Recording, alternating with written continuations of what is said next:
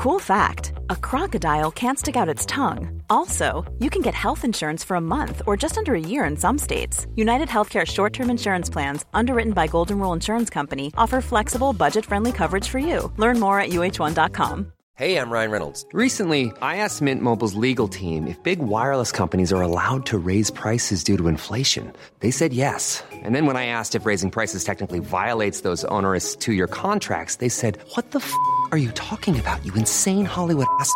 F- So to recap, we're cutting the price of Mint Unlimited from $30 a month to just $15 a month. Give it a try at mintmobile.com slash switch. $45 upfront for three months plus taxes and fees. Promo rate for new customers for limited time. Unlimited more than 40 gigabytes per month. Slows. Full terms at mintmobile.com.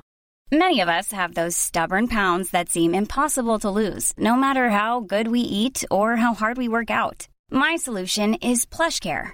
PlushCare is a leading telehealth provider with doctors who are there for you day and night to partner with you in your weight loss journey. They can prescribe FDA-approved weight loss medications like Wagovi and Zepbound for those who qualify. Plus, they accept most insurance plans. To get started, visit plushcare.com slash weight loss. That's plushcare.com slash weight loss.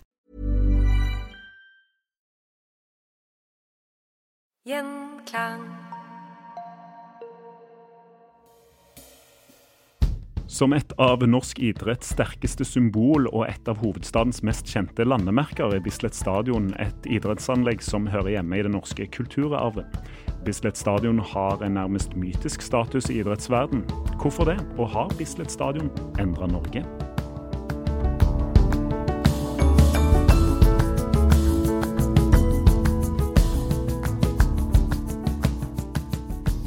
Velkommen til Historie som endret Norge. I dag skal vi bli bedre kjent med et idrettsanlegg da, som de fleste i Norge har et forhold til. Og deg, Tor Gottaas, velkommen til Historie som endret Norge. Takk skal du ha. Velkommen tilbake igjen, får jeg si. da. Du har jo vært med, vært med en del, en av uh, våre favoritter her. Du er jo forfatter, folkeminnegransker og idrettsidiot, stemmer det? Jeg er ikke idrettsidiot, men jeg skriver en del bøker om idrett og sport og kulturhistorie. Så, men jeg er veldig interessert i særlig skisport, langrenn og friidrett. Har vært masse på friidrettsstevne på Bislett, så Bislett er for meg er en veldig spesiell plass. Hva er det som er så spesielt med Bislett? Det er atmosfæren. Det ligger i Oslo, Kristiania som det het før. og Bislett har en lang historie. Det ble kjøpt av Oslo kommune i 1898, for da var det stor utbygging i Kristiania. Mange som flytta til byen, eh, jobbet i, og de trengte et anlegg for særlig skøyter, for skøytesporten hadde foregått på havet, i havet, i Frognerkilen og forskjellige steder. Så de trengte et anlegg, og da var det et um, leir, det var leirete grunn, det var et teglverk. Mm. Så det var altså et område som ble omgjort fra teglverk til idrettsplass. Eh, den åpna i 1908. eh, Og da var det òg åpna i 1901 en bane på Frogner, Frogner eh, stadion. Så Frogner stadion og Bislett levde, levde parallelt. Og Frogner var faktisk hovedbanen for skøyter før krigen, før andre verdenskrig, men Bislett òg hadde skøytestevner tidlig. Så det er et gammelt anlegg som fikk en ny åpning i 1922, for da ble det nye Bislett bygd. Kosta én million. Men f.eks. fra 1910 til 1913 var det maraton på Bislett. Løp 114 runder. Da var det, ja, 114 runder, så I flere år var det maraton på Bislett. Så det var et anlegg som var i bruk. Men du vet, på den tida her så lå det litt, det lå ikke landlig til, men det lå sånn til at de hadde terrengløp, ble det kalt, men det var landeveisløp fra Bislett. Så det var altså et sted hvor friidrett ble utøvd. Og skøyteløp, som var en veldig populær idrett i Oslo. Særlig bydrett rundt i Norge, men i Oslo var skøyter stort med Oskar Mathisen. Men da var det altså Frogner stadion, men allikevel Bislett. Og for 22 åpna det, og da, fra 23, har vi Holmenkollstafetten. Start og mål på Bislett. Nå i dag verdens største stafett, som starta med ti løpere i 19... Det var, jeg tror det var ti løpere hvert lag da, ja.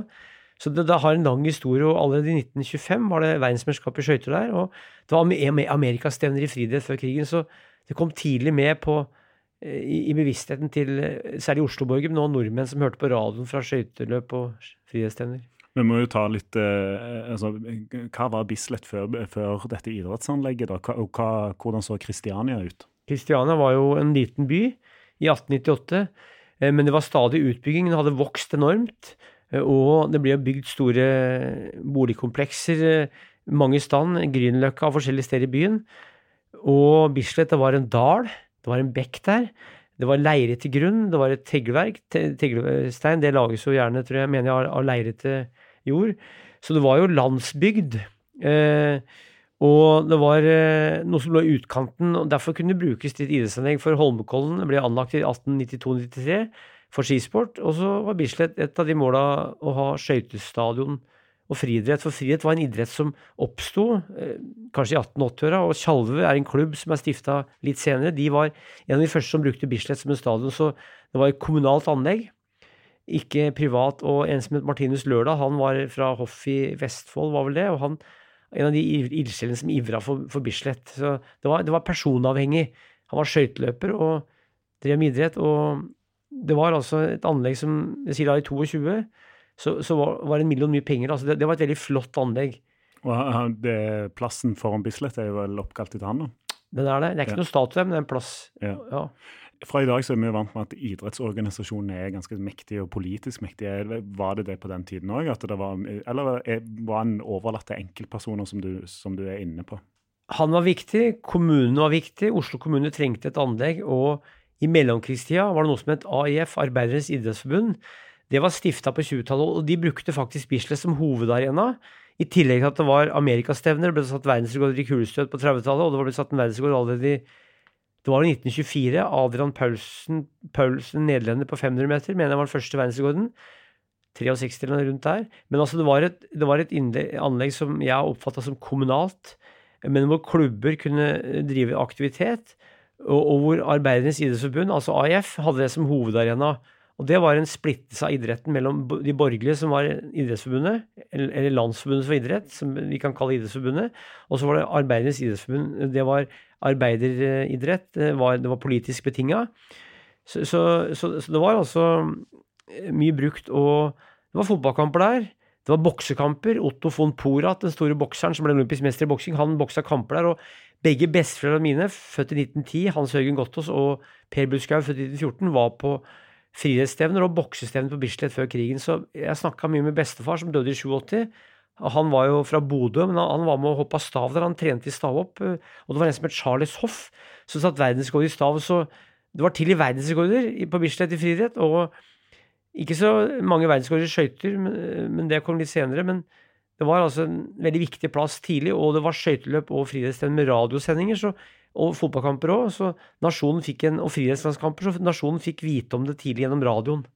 Ja, for det er jo òg eh, med å binde det sammen til nasjonen Norge, at det ikke bare blir et fenomen i Oslo. Men det er eh, publikum og Bislett, eh, altså store publikumsmasser kommer jo til Bislett stadion. Når kommer de første store massene, og på hvilke arrangement? Det var ganske tidlig, sånn som i 25 på VM i skøyter. men det ble bygd ut, sånn jeg har lært, så ble kapasiteten bygd ut. Så jeg har lært at det, at det var 32 000 i kapasitet på det meste. Og da er vi muligens på 30-tallet, men i hvert fall like etter krigen. For eh, jeg har vært der på stevner i 1978, tror jeg det var 19 000. I dag er det kanskje 12 000-13 000, for det er sitteplasser. Men i gamle dager var det mye ståplasser og unummererte plasser. og da kunne folk presse sammen. I dag må alle sitte på hvert sitt sete. Eh, så det var store publikumsmasse før krigen, men de virkelig store kom nok etter krigen. Altså den klassiske epoken med, med Hjallis, eh, Hjalmar Andersen fra Trondheim på 50-tallet med skøyteløp OL i 52. og for å ta krigen, da, så kom det 1940, og da var det Nasjonal Samling som drev idrett på Bislett, og de var dårlig besøkte stevner. Det var friidrett, det var skøyteløp, eh, lite publikum, og det var ganske dødt der. For da var idretten, som ikke var nasjonalsosialistisk eller tysk, den var illegal, altså ulovlig. Eh, og det fins bilder av Bislett da i 40-åra under krigen hvor, hvor, det er tomme tribuner nesten. Og jeg snakka med noen utøvere som nå er døde, som var med der. Så det, så det var mesterskap øh, for de òg, men det var ikke det samme. Og da vi kommer til 1945, så øh, var det bestemt at Norge skulle ha EM i 1946 i friidrett. For det var jo hvert fjerde år. Det var i 30, 34, 48 38, og det skulle vært i 42, og så ble det i 1946. Så EM i friidrett på Bislett, det var et veldig stort Og der var besteforeldrene mine. Og jeg snakka med flere som var med der òg, som så på, så det var et stort arrangement, for det var ikke da var det ikke noe VM i friidrett. Jeg begynte i 1983 i Finland. Første verdensmester var Grete Waitz. Men i 1946 var EM i friidrett nesten det største etter OL. OL i 48 var i London, og EM i friidrett, og friidrett var en veldig stor idrett da. Så det var en stor mønstring for Norge med maraton som starta oppe der. og så det var vel De løper ut mot Sandvika. Det var en stein de snudde med. Eh, og det var en begivenhet med EM i friidrett. Det var òg bokse-EM der i 1949. Det var vel lurer på om det var 98 boksere fra 16 nasjoner. Så de boksa utendørs, altså. Hadde ringen stående ute, eller kanskje flere ringer. Eh, senere var det også speedway. Men jeg, jeg vil tro det at de legendariske Bislett-dagene som vi kan huske, de tilhører etterkrigstida, for da har vi masse bilder. Og særlig 50-tallet og 60-tallet var, var stor det var, det senere, altså, men det, det, er det klassiske Bislett på 50-60-tallet i skøyteløp. Og så har du senere med friidrett hvor det var enda mer til hardpakka. Men på 50-tallet vet vi at det, det kunne være 25 000 tilskuere på friidrettsstevner da òg, så det var veldig populært veldig mye folk der ofte. Mm. Oppussing av anlegget skjer jo òg før eh, OL i 52. Åpning og avslutningsseremonien er jo òg på, på Bislett. Uh, da går vel statusen til, til Bislett liksom litt opphøyd? altså Får en, for en større rolle når olympiaden kommer til byen? Ja, det var snakk om at Norge skulle ha OL i 1940. For at OL i 1940 skulle egentlig gå i Japan, tror jeg. Men så ble det avlyst fordi at Japan var med i krigen, og det var snakk om at Norge skulle ha vinter-OL 1940, mener jeg. Eh, kanskje 1944, men det var i hvert fall ikke noe, det ble ikke noe av det. Så vi fikk det i 1952. Oslo, Rolf Hofmo, som var i noe som het STUI, Statens ungdoms- og idrettskontor, han var sentral. Og det var en nasjon som skulle bygges opp etter krigen. Samhold. Det var én radiokanal, det var NRK, og idretten sto sterkt. Holmenkollen og Bislett vi hadde også Jordal Amfir for, for skøyteløp. Far min var på Bislett under OL. Bestefar var der òg. Så det var, det var, enormt. Og Hjalmar Andersen var fanebærer, eller flaggbærer for Norge, bar flagget. Og han tok jo tre OL-gull i 1952. Og det morsomme er at uh, da han vant gull på 5000, så den samme kvelden døde Knut Hamsun. Så står det stort bilde av Hjalvis i avisa etterpå, og så står det liten notis 'Forfatteren Knut Hamsun døde i går'. han, han, var ikke noe å nevne da. Ah, nei, da. men, men, men OL i 52 er viktig for Norge som nasjon, for det var altså et veldig sammenvevende prosjekt. Det var stort, vi hevda oss bra, vi var en vinternasjon, og er det fortsatt. Og skøytesporten er jo nasjonalrett sammen sammen med, med, skisport. Så det var enormt viktig for Bislett sin posisjon. Og fra 52 utover så Det var jo venter, folk lå i kø om natta. De, eh, det var desperat for å komme inn på Bislett, for det var alltid utsolgt på de store skøytemesterskapene. Og det var vanskelig å få billetter, rett og slett. Altså, det, var, det, var, det var Kuppelen, Knut Johannessen fra Oslo. Kampen eh, var en stor idrettskjendis. Så du hadde løpere som Torstein Seiersten, Kuppelen, Roald Aas. Han var fra Sagene. Så hadde du Hjalmar Andersen fra Trondheim. De var altså skøyteløpere og idrettskjendiser, og alle konkurrerte på Bislett om vinteren på skøyter. Og så var det stevner om sommeren med Audun Boysen 1955, hvor Roger Mons fra Belgia løp på 1.45,7, og Audun løp på 1.45,9. Det var verdensrekord. Så på 50-tallet var det var en, virkelig en stor periode for Bislett. altså. Mm. For du er jo opphengt, eller glad i, er det bedre å si, eh, i ting som, som forsvinner litt ut fra historien. Og skøyter i Oslo er vel noe som på en måte er litt vanskelig å se for seg hvor stort det har vært. For det er jo ikke en skøyteby lenger. Nei, skøyter var enormt stort. Jeg er jo folkeminnegransker og, og, tar for meg ting som ofte er i ferd med å dø, eller som er utdødd. Og Oskar Mathisen, som var fra Kristiania, var jo en, en legende her i byen. Og skøyter var mer en bydrett enn f.eks. langrenn som foregikk på landsbygda. Så det foregikk jo langrenn i Oslo, men da måtte du opp i skogen. Så skøyter kunne foregå på løkker og på, og steder på baner i byen. Så så, så, både i Trondheim, Oslo, for så vidt og Stavanger når det var is der, var det skøyter stort. Så skøyteløp eh, samla enormt med publikum, og folk skrev rundetider. De, hvis de skulle mm, på, sted, på Bislett, så var det ofte for umulig å gå på do, så de måtte pisse enten i buksa eller pisse i lomma til han foran.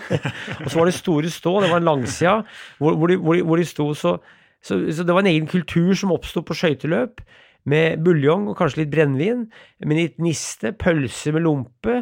Eh, og det her å det, det, intime Bislett, for i friidrett så hadde Bislett bare seks baner. Gamle Bislett hadde bare seks baner, så det var, altså, vanligvis var det åtte baner, det var seks baner, så det var veldig intimt.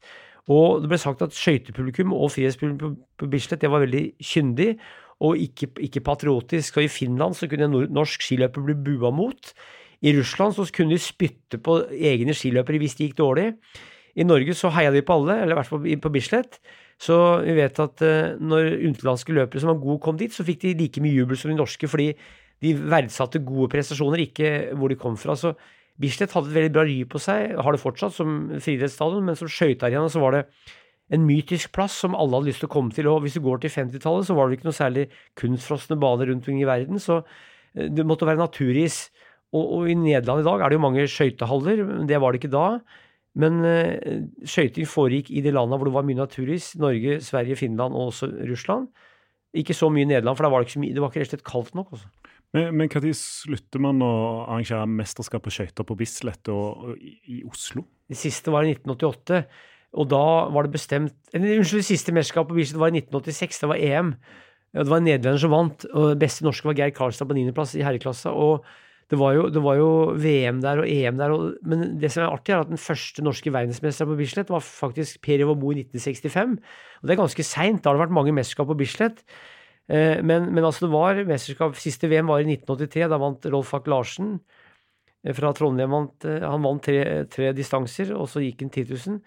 Eh, og så det, fikk Oslo VM i 1989, men da var det bestemt at Bislett ikke skulle ha skøyter, så da ble det flytta til Valle Hovin som er en veldig dårlig plass uten tradisjoner. Så det var veldig ødeleggende for eh, skøytesporten i Norge, tror jeg. Og det var en diskusjon da. Jan Erik Vold, forfatteren, som fortsatt er i oppegående, 84 år, han eh, var veldig opptatt av at Bislett skulle bevares. Og det var aksjoner for det. Det var skuespiller Peter eh, Lindbekk, eh, og de to var særlig de som var framme i media for å bevare Bislett. Jan Erik Vold, eh, han kunne jo uttalt seg sjøl om det, men han var på skøytestevner mye. Han har vokst opp i Oslo, eller Oslo-gutt, og han var på mange stevner hver vinter og så på skøytesport og skøyteløp som en ihuga tilskuer sjøl på småstevner, for det var jo det var EM og VM, det var NM, det var landskamper, det var nyttårsløp. Det var mange stevner, så i løpet av en vinter kunne det være 50-60 og kanskje mer løp på Bislett, og unger syntes det var stort. Jeg, jeg kjenner jo skøyteløpere som er 77 år i dag, som kom til Bislett og gikk på skøyter. Det var stort, så det var en arena som alle har lyst til å komme til, sommer og vinter. Det gjaldt jo friidrett, eh, som det fortsatt er, men det var skøyteløp fram til 80-tallet hvor det ble lagt ned, og da var det bestemt at Lillehammer skulle gå på OL, og da var det skøytehall på Hamar, som nå er en gammel skøyteby, altså. Ja. Hamar hadde jo skøytebane på stadion, men da fikk de Vikingskipet til OL i 1994. Og det er vel Vikingskipet som har tatt over den, den, det symbolet på norsk skøytesport i dag, da? Har gjort det, men det er jo Hamar var som sagt ble kalt skøytebyen, og mange verdensrekorder ble satt der òg. Store mesterskap var det òg. Men det, det, er jo ikke så mange som bor på Hamar, eller i Hamar. Og Oslo er jo hovedstaden i Norge, så det er klart at Oslo burde hatt eh, minst én skøytehall. Men Bislett ble da fra 1988 så ble det brukt til eh, fotball. Vålerenga spilte kamper der og friidrett. Og det er masse aktivitet på Bislett i dag i friidrett. Så hvis du drar på Bislett en virksomhetsdag om sommeren, så er, det folk som løper, kaster og hopper, og det er òg løping under bakken der. Så er veldig, Bislett er veldig mye bruk Det er ikke bare bruk på Bislett Games, altså. Vi må ta litt friidrett. Bislett-alliansen stifta i 1965. Ron Clark fra Australia satte en verdensrekord på 27.39,4 i 1965. Slo verdensrekord på 10 000 med over et uh, halvt minutt. Uh, da hadde det vært mange såkalt amerikastevner på Bislett. Det første var allerede i 1925, tror jeg. ja. Hva var et amerikastevne? Det var amerikanske utøvere som var med. Vi hører jo at de hadde henta en amerikanske sjømenn som faktisk var så gode til å løpe at de vant på Bislett. Men uansett så var amerikastevnet gildt, for der, var det, der kunne være flere svarte løpere. Det, kunne være, det var jo ikke noe svarte i, Norge da, så bare å se en kar som løp, det var svart mann som løp, var stort.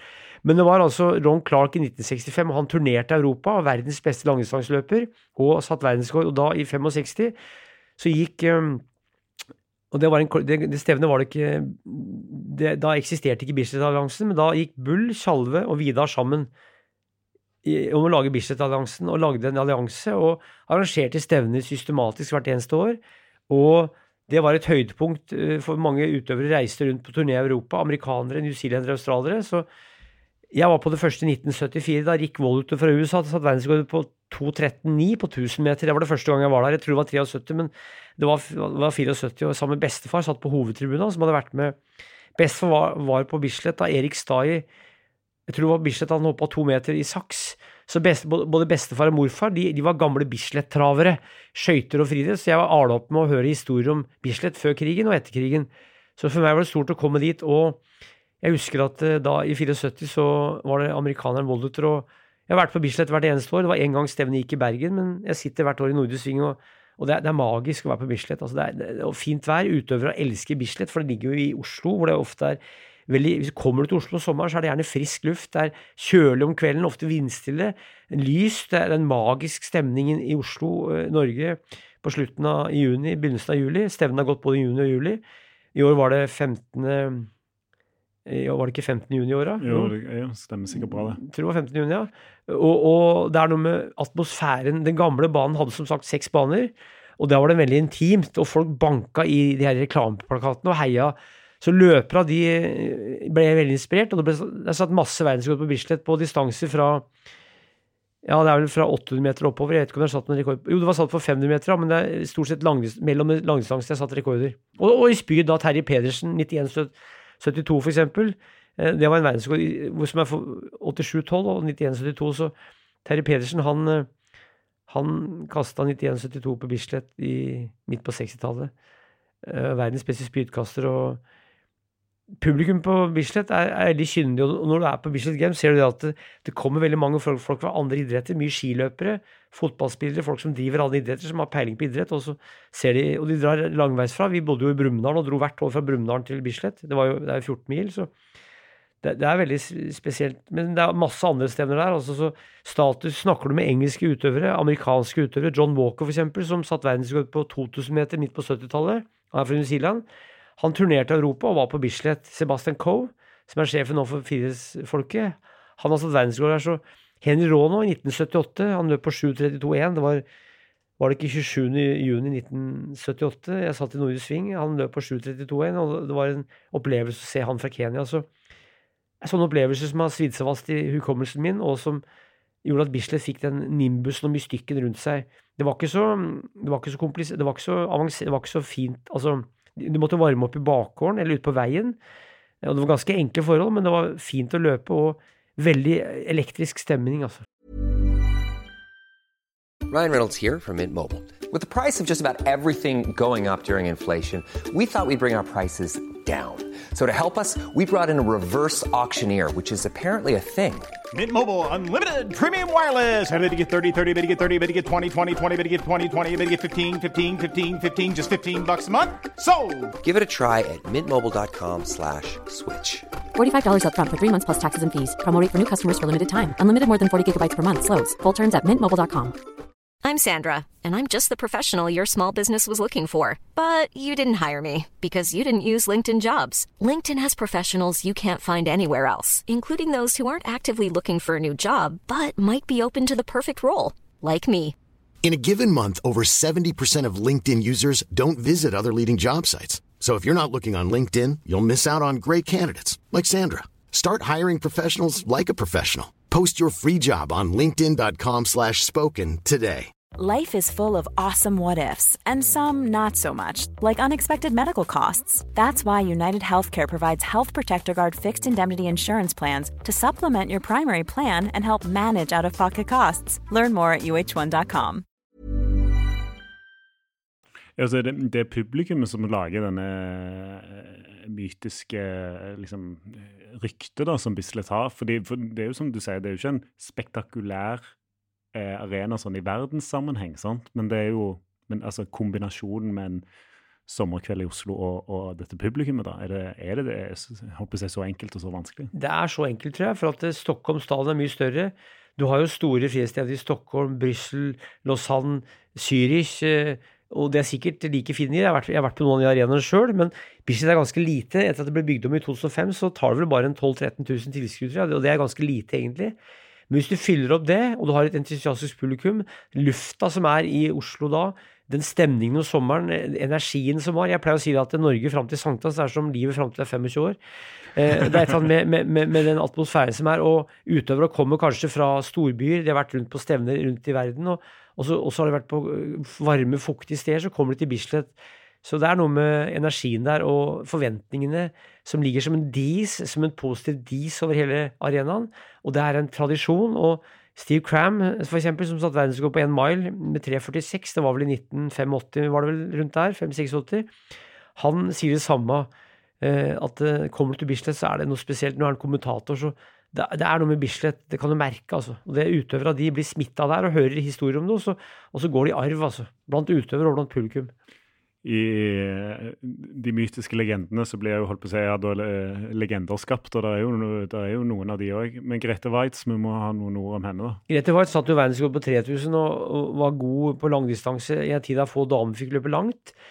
Uh, senere ble maratonløper og gateløper fra 1978 etter at hun skulle legge opp, men Så kom Ingrid Kristiansen opp og satt jo verdensrekord på Bislett og løpet på 30-13 i 1986. Så Ingrid Kristiansen eh, brakte jo langdistanseløping for kvinner opp på et helt annet nivå. Og hun var jo langrennsløper og løper, og så ble hun bare løper. og Hun var dronninga av Bislett i, i, mange år, og hun er fortsatt på stevner. Da er vi på 80-tallet. Eh, og eh, dameløping da var jo Det var før afrikanske damer noe særlig begynte å løpe, så Ingrid var, eh, var veldig god. Og du har, jo, du har, jo, andre legender, som jeg sa, som John Walker fra New Zealand. Du har Sebastian Coe, Henry Rono. Eh, det er farlig å nevne, for det er mange som ikke blir nevnt da. men Særlig løpere og Ron Clark. Han var jo æresgjest på Bislett flere ganger. Eh, og jeg husker i 1990 så løp John Walker siste gang. Og han var født i to, er født i 52, og han, ble, han, gikk, han, gikk, på forhånd en æresrunde sammen med Arne Haukvik, hvor han mottok hyllesten fra, fra, mengden, for da skulle Walker legge opp. Han var 38 og løp på Bislett for siste gang. For da var det én mile. Det var altså en dream mile, for det var sponsa av Mobil, eh, selskapet Mobil, så de hadde overføring til USA, for der er det jo det er jo tidsforskjell, så de hadde en mile på kvelden i Norge, var på dagen borti der. Så det var en mile de pleide å løpe i, år, var det 1500 meter. men det, og de Stevnene gikk ofte seint. Det har til og med gått rundt midnatt vet jeg, for å få riktig tidspunkt sammenlignet med USA. Ja. Men det går om kvelden, altså gjerne ferdig i titida nå, men det har vært ferdig enda senere før, vet jeg. Men du nevnte Arne Haukvik, apropos legender, da. Men eh, hvem var det? Var fra, født i Sauerad i Telemark, prata fin telemarksdialekt, født tror jeg 26. Eh, vi bodde i en periode i USA fra på slutten av 50-tallet bodde han i USA, var bokselger og var en salgstype, men en veldig entusiast, smittende humør. Var medlem av Bull, eh, bondeungdomslaget i Oslo, som både driver med idrett og som har eh, mange andre aktiviteter. Men Bull har jo kontor ikke så langt unna Bislett, nede i byen. Og han eh, Haukvik, han eh, Bondeheimen har vi kontor, og han ble ildsjel, og han var med og arrangerte, så Ron Clark han ble venn med Ron Clark og begynte å ha jordbærselskap dagen før Bislett Games, eller to dager før. Og han hadde utøvere hjemme hos seg, og det ble en tradisjon med jordbærselskap hjemme hos Arne Haukvik. Eh, og han var viktig for Bislett. Han gikk rundt med stråhatt. og på 70-tallet så var det jo så fullt på Bislett at han måtte gå rundt og rope med roperten. Nå må du, må trykke eksamen. Han prata hele telemarking, og da sto jeg aldri og da måtte jeg rykke inn mot, mot, midten. Så han var en Ikke utroper, men han var en ildsjel som hadde masse kontakter. og Eh, Svein Arne Hansen, som òg var med og arrangerte, som gikk bort for noen år siden, han var jo, han var jo frihetspresident senere. Han var dreng hos Haukvik og gikk i lære der og var med og arrangerte. Så Haukvik var en viktig person i mange år, sammen med andre. Men han var en person utad som skapte mye entusiasme og, og hadde veldig positive ting. Og, og så var rett og slett viktig Den norske dugnadsånden var viktig for å få til det internasjonale storstevnet på Bislett med stråhatten, som du sier, og, mm. og megafonen, og gikk rundt og, og Så han, han, ble jo en type og liksom Bislett-general, og så har jo alle som har kommet inn i rollen hans, arva den tittelen litt, da. Han hadde en bestemt jakke på seg, så hadde han stråhatt. Og på 80-tallet så spilte ofte jazzbandet Big Chief. De sto og spilte på forhånd. Det var konsert med De, de varma opp, med, de var på gresset der. Og han var med Gikk han ikke bort i ca. 2002, tror jeg? Han var med i hvert fall helt til på slutten her. Og jeg husker mange år hvor han gikk rundt med roperten og skapte begeistring, og det var morsomt, for han hadde den jakka, så hadde han den hatten, og så prata han telemarking i byen og, og var kamerat med alle, og for han var Ron Clark det største. Sa han, for han ble spurt, han var eldre, husker jeg, eh, Arne Haukvik, eh, at Ron Clark var spesielt. Ron Clark var der i 1965, men var der òg senere. og Clark hadde jo unger, som Arne Haukvik hadde, så jeg tror de unga til Clark og Haukvik lekte sammen. Så Haukvik er en viktig person i Bull, som var en del av uh, Bislett-alliansen. Det var jo tre klubber, Bull, Tjalve og Vidar. Mm. Uh, men det at Bislett har uh, gjennom, gjennom, disse tiårene klart å holde, um, holde litt posisjon Det er jo ikke gitt det. Du ser jo skøytesporten, men, men, på friidrett så har de jo ennå klart å holde det. Har utvida og blitt for å imøtegå sportens standarder med, fra seks baner til åtte baner, bl.a. Men er det det at han, at det, nå er blitt en rendyrka friidrettsbane som gjør at de ennå kan ha den posisjonen internasjonalt? Jeg vet ikke om det er fotballkamp på Bislett, er det det? Eh, ikke på det øverste nivået, men Nei. mulig Lyn spiller Ja, men... Eh, de fikk eh, tartandekk eller kunststoffdekk i 1971. Ja. Og Norway Cup har vel òg hatt eh, Kanskje ikke nå, men før har de hatt finale på Bislett, tror jeg. Så, så jeg vet ikke om fotball, hvor mye fotball det er nå, men de har rendyrka som frihetsarena, og de har fått underjordisk, eller det er løpebane under, så om vinteren er det mange folk som løper der. I gamle dager på 60-tallet var det jo styrkerom der, mener jeg. Mener jeg. Så, så, det har blitt en spesialbane, ikke for skøyter. Og skøytebane og frihetsbane var vel kanskje en litt dårlig kombinasjon, fordi da lå det is der. Og det var kanskje vanskelig å lage is og så ha perfekt bane, men jeg tror det at de har blitt en frihetsbane, det er en fordel for Bislett. Skøytesporten trakk jo i hus, så skøytesporten på 90-tallet har jo foregått eh, stort sett bare i Store, store mesterskap har bare foregått i haller. Så da måtte de bygge hall over Bislett. Så det er noe med det òg, tror jeg. Det er en politisk bestemmelse som ikke jeg har full oversikt over, egentlig. Men, men det er veldig bra at det er friidrettsanlegg, for det ligger i Oslo, Norges største by, hovedstaden. og du kan dra dit, eh, som jeg sa, når som helst hele året. Det er mange som løper, mange som driver idrett der. Jeg tror unger har gymtime der òg. Så det har blitt en spesialarena for frihet, og det er fint, for frihet er en veldig fin idrett, og Norge har veldig mye gode utøvere nå. Og hvis du snakker med utøvere, om det er Jakob Ingebrigtsen, Henrik eller Philip eller Warholm eller hvem det er, de elsker Bislett, tror jeg. Både fordi de trener av og til, og fordi de møter opp på det stevnet hvert år. og det er, det, det er et stevne som òg utøvere Jeg satt på Bislett i år i Nordre Sving, og da var det et kanadisk par som satt bak meg, som hadde hørt om Bislett i hele livet, og de var rundt 60 eh, år. Og de dro til Europa for å gå på stevne på Bislett, og så skulle de til Tromsø, skulle de være på stevne i Stockholm. Så Bislett-stevnet var faktisk en viktig del i grunnen til at de dro til Norge og Europa. De var fri, ihuga friidrettsfans, altså. En mann og et, et ektepar fra Canada. Så hadde de flaks når de traff på deg da på Bislett, så fikk de, fikk de vel litt historietime De fikk et ti minutter langt foredrag. jeg, ser, jeg, ser, det for meg. Men eh, altså, vi har jo tatt opp en episode i vinter om, eh, om Holmenkollen. Den kan du så høre på og kose deg med, selv om det er midt på sommeren nå. Men eh, disse nasjonalanleggene eh, blir det jo mye meninger om og når offentlige kroner skal bli brukt. Nå eh, ble det jo diskusjoner rundt den siste ombyggingen av Bislett, eh, for eh, en er opptatt av å bevare sjelen, samtidig å ta anlegget inn i fremtiden. Det var noen tårn som var offer for noe diskusjon. Hvorfor er det så mye diskusjoner rundt, rundt disse offentlige anleggene? Det var vel en eh, norsk arkitekt som lagde det Bislett-anlegget som ble utdatert. Eh, han heter Rinnan, mener jeg.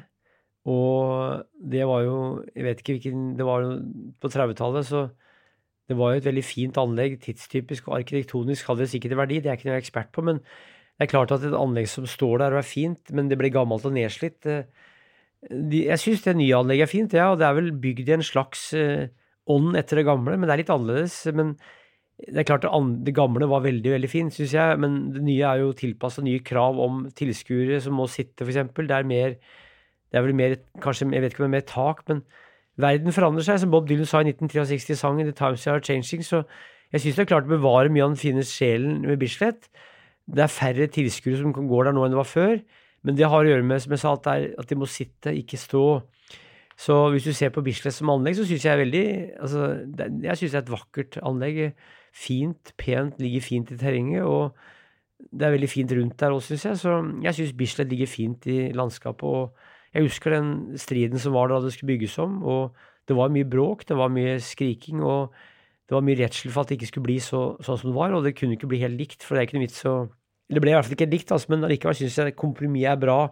Og jeg tror ikke folk i dag tenker over det, men da det pågikk, så var det en strid som engasjerte mange som sånne strider gjør. Ja, Men hvor, eh, hvor, hvor viktig er den rammen som du òg beskriver? Altså, det, altså byen som ligger så tett på stadion, på en måte, og at det er eh, for Bislett stadion er jo òg ramma inn av disse bygårdene og bydelen som ligger, som ligger rundt. Det Jeg mener det er viktig, for det ligger eh, et søkk. Og hvis du sitter i flere av blokkene på sida, så kan du sitte og se på stevnet. Og det, veldig, det ligger ikke Mange arenaer ligger kanskje litt utafor. De ligger for seg sjøl på ei slett eller ligger ikke så til Og de er større, så størrelsen på Bislett gjør òg at det er mer intimt. Det er jo ikke så stort. Hadde det vært dobbelt så stort, så ville det vært eh, Ta Ullevål stadion. Det er jo det er vel kanskje, tar vel kanskje dobbelt så mange tilskuere, men det, det, virker jo mye større.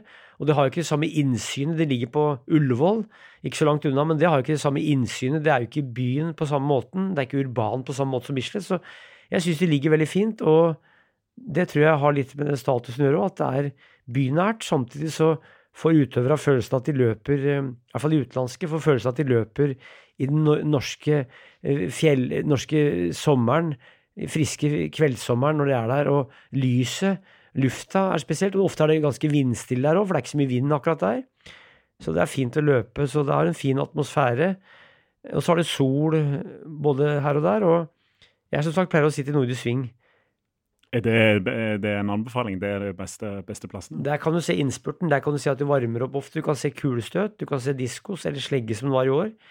Men det er klart det er fint i, på hovedtribunen òg. Jeg har vært der, men jeg har aldri jeg har vært i Sønnesving. Men jeg syns Nordisk Sving eller hovedtribunen er det beste. Men òg store stå er fint. Altså, det, er, det, er, fint å sitte overalt på Bislett. og Det er rett og slett en veldig fin plass å være. Mm. Hvordan har Bislett stadion endra Norge? Det er vanskelig å si, men det begynte jo, som jeg sa, med stevner og skøyteløp før krigen, og det var jo sending på radio. Folk leste om Bislett i avisa, de så bilder fra Bislett, men jeg tror særlig OL 1952 var viktig. Og særlig 50- og 60-tallet med skøyter og med friidrett senere er viktig. Så det har blitt et uh, samlende sted. Det er viktig for skøytesporten, for, for friidrettssporten, og viktig for um, Det er viktig for nasjonen å ha hovedarenaer i en hovedstad. Og 52 år var viktig på mange måter som vi ikke vet i dag òg, men det var noe med stoltheten, det å klare å arrangere et vinter-OL bygge seg opp etter, etter, krigen, og at Bislett er der. Holmenkollstafetten, verdens største stafett. Eh, det er ingen stafetter i verden som er større. Har jo start og mål på Bislett fortsatt. Så det, det sirkulerer fortsatt mye rundt Bislett, og det ligger, som jeg sier, veldig fint til. Det er et veldig fint område av byen nå, syns jeg. Ja, det, det, er det jo ingen, ingen tvil om. Men hvis, hvis, vi skal prøve å få deg litt, eh, litt kritisk, da. Hva er, det, hva er, det, med gamle dager og Bislett stadion du savner mest? Jeg syns det var veldig fint på Bislett med seks løpebaner. Da ble det mer intimt. Men hvis du ser hvordan det har blitt, så syns ikke jeg at Bislett er noe, er noe, var noe finere enn det er i dag. Men det eneste er at eh, da det kunne være som jeg sa, 19 000 tilskuere i 1978, så var det fordi at folk sto eller var pressa sammen. Så du kunne få enda mer folk. Eh, og Vi hører om friidrettsstevner på 50-tallet hvor, hvor, det var 25 000 tilskuere, og kanskje enda mer. Eh, så, så, det er det at uh, i dag så kan vi ikke ha så mange tilskuere trøkt inn som det var før, og det er kanskje en ulempe. For da fikk du enda mer trøkk, enda mer stemning, enda mer skriking, enda mer folk som var med på festen, og det var før det var TV-sending. Og da måtte du komme for å se, så TV-en har gjort at folk kan se Bislett-stevnet hjemme. Men før 1960-tallet, TV-en ble jo uh, offisielt i Norge i august 1960, like før det var OL i Roma i, i 1960. Eh, så det gjør at flere ser jo Bislett-stevnet i dag eh, i friidrett enn de gjorde da, for at da måtte du være til stede. Og skøyteløp var jo radiounderholdning på høyt nivå. Folk satt hjemme og skrev skjemaer. Og så kom skøyteløp på TV-en. Så jeg syns eh, det var fint i gamle dager, men det er veldig fint nå, syns jeg. Ja. Nei, men Det er en bra oppsummering. det. Tor Gottaas, takk for at du tok deg tid til Imagine the softest sheets you've ever felt. Now imagine them getting even softer over time. That's what you'll feel with Bowl and Branch's organic cotton sheets. In a recent customer survey, 96% replied that Bowl and Branch sheets get softer with every wash. Start getting your best night's sleep in these sheets that get softer and softer for years to come. Try their sheets with a 30-night guarantee. Plus, get 15% off your first order at bowlandbranch.com. Code BUTTERY. Exclusions apply. See site for details. Roundabout Season 2, presented by Nissan, is live now, and we're back to share more stories from the road and the memories made along the way. We're talking rest stops. If we're stopping to get gas, you will be timed. Misguided plans. I grew up in the city, so I have like, you know, a healthy fear of real extreme darkness. a lot of laughs. Y'all weird, but you, yeah, you, you were different. And so much more. Listen and subscribe wherever you get your podcasts. ACAST powers the world's best podcasts. Here's a show that we recommend. The Real Housewives is a guilty pleasure for most, but if you're looking to not feel guilty about that pleasure, tune in to Everything Iconic with me, Danny Pellegrino, where I break down all the messy moments and behind the scenes antics of Bravo's popular franchise. And on Everything Iconic, I also interview celebrity guests like Kelly Ripa, Kiki Palmer, Drew Barrymore, Cameron Diaz, and more about their guilty pleasures, their past work, and so much more.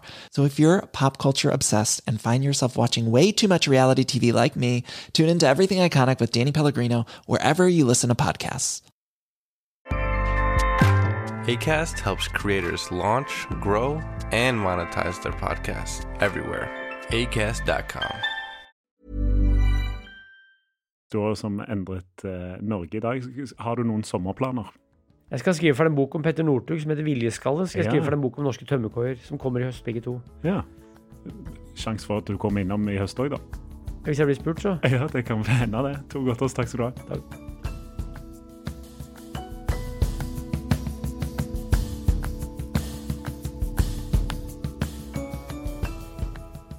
Gjenklang.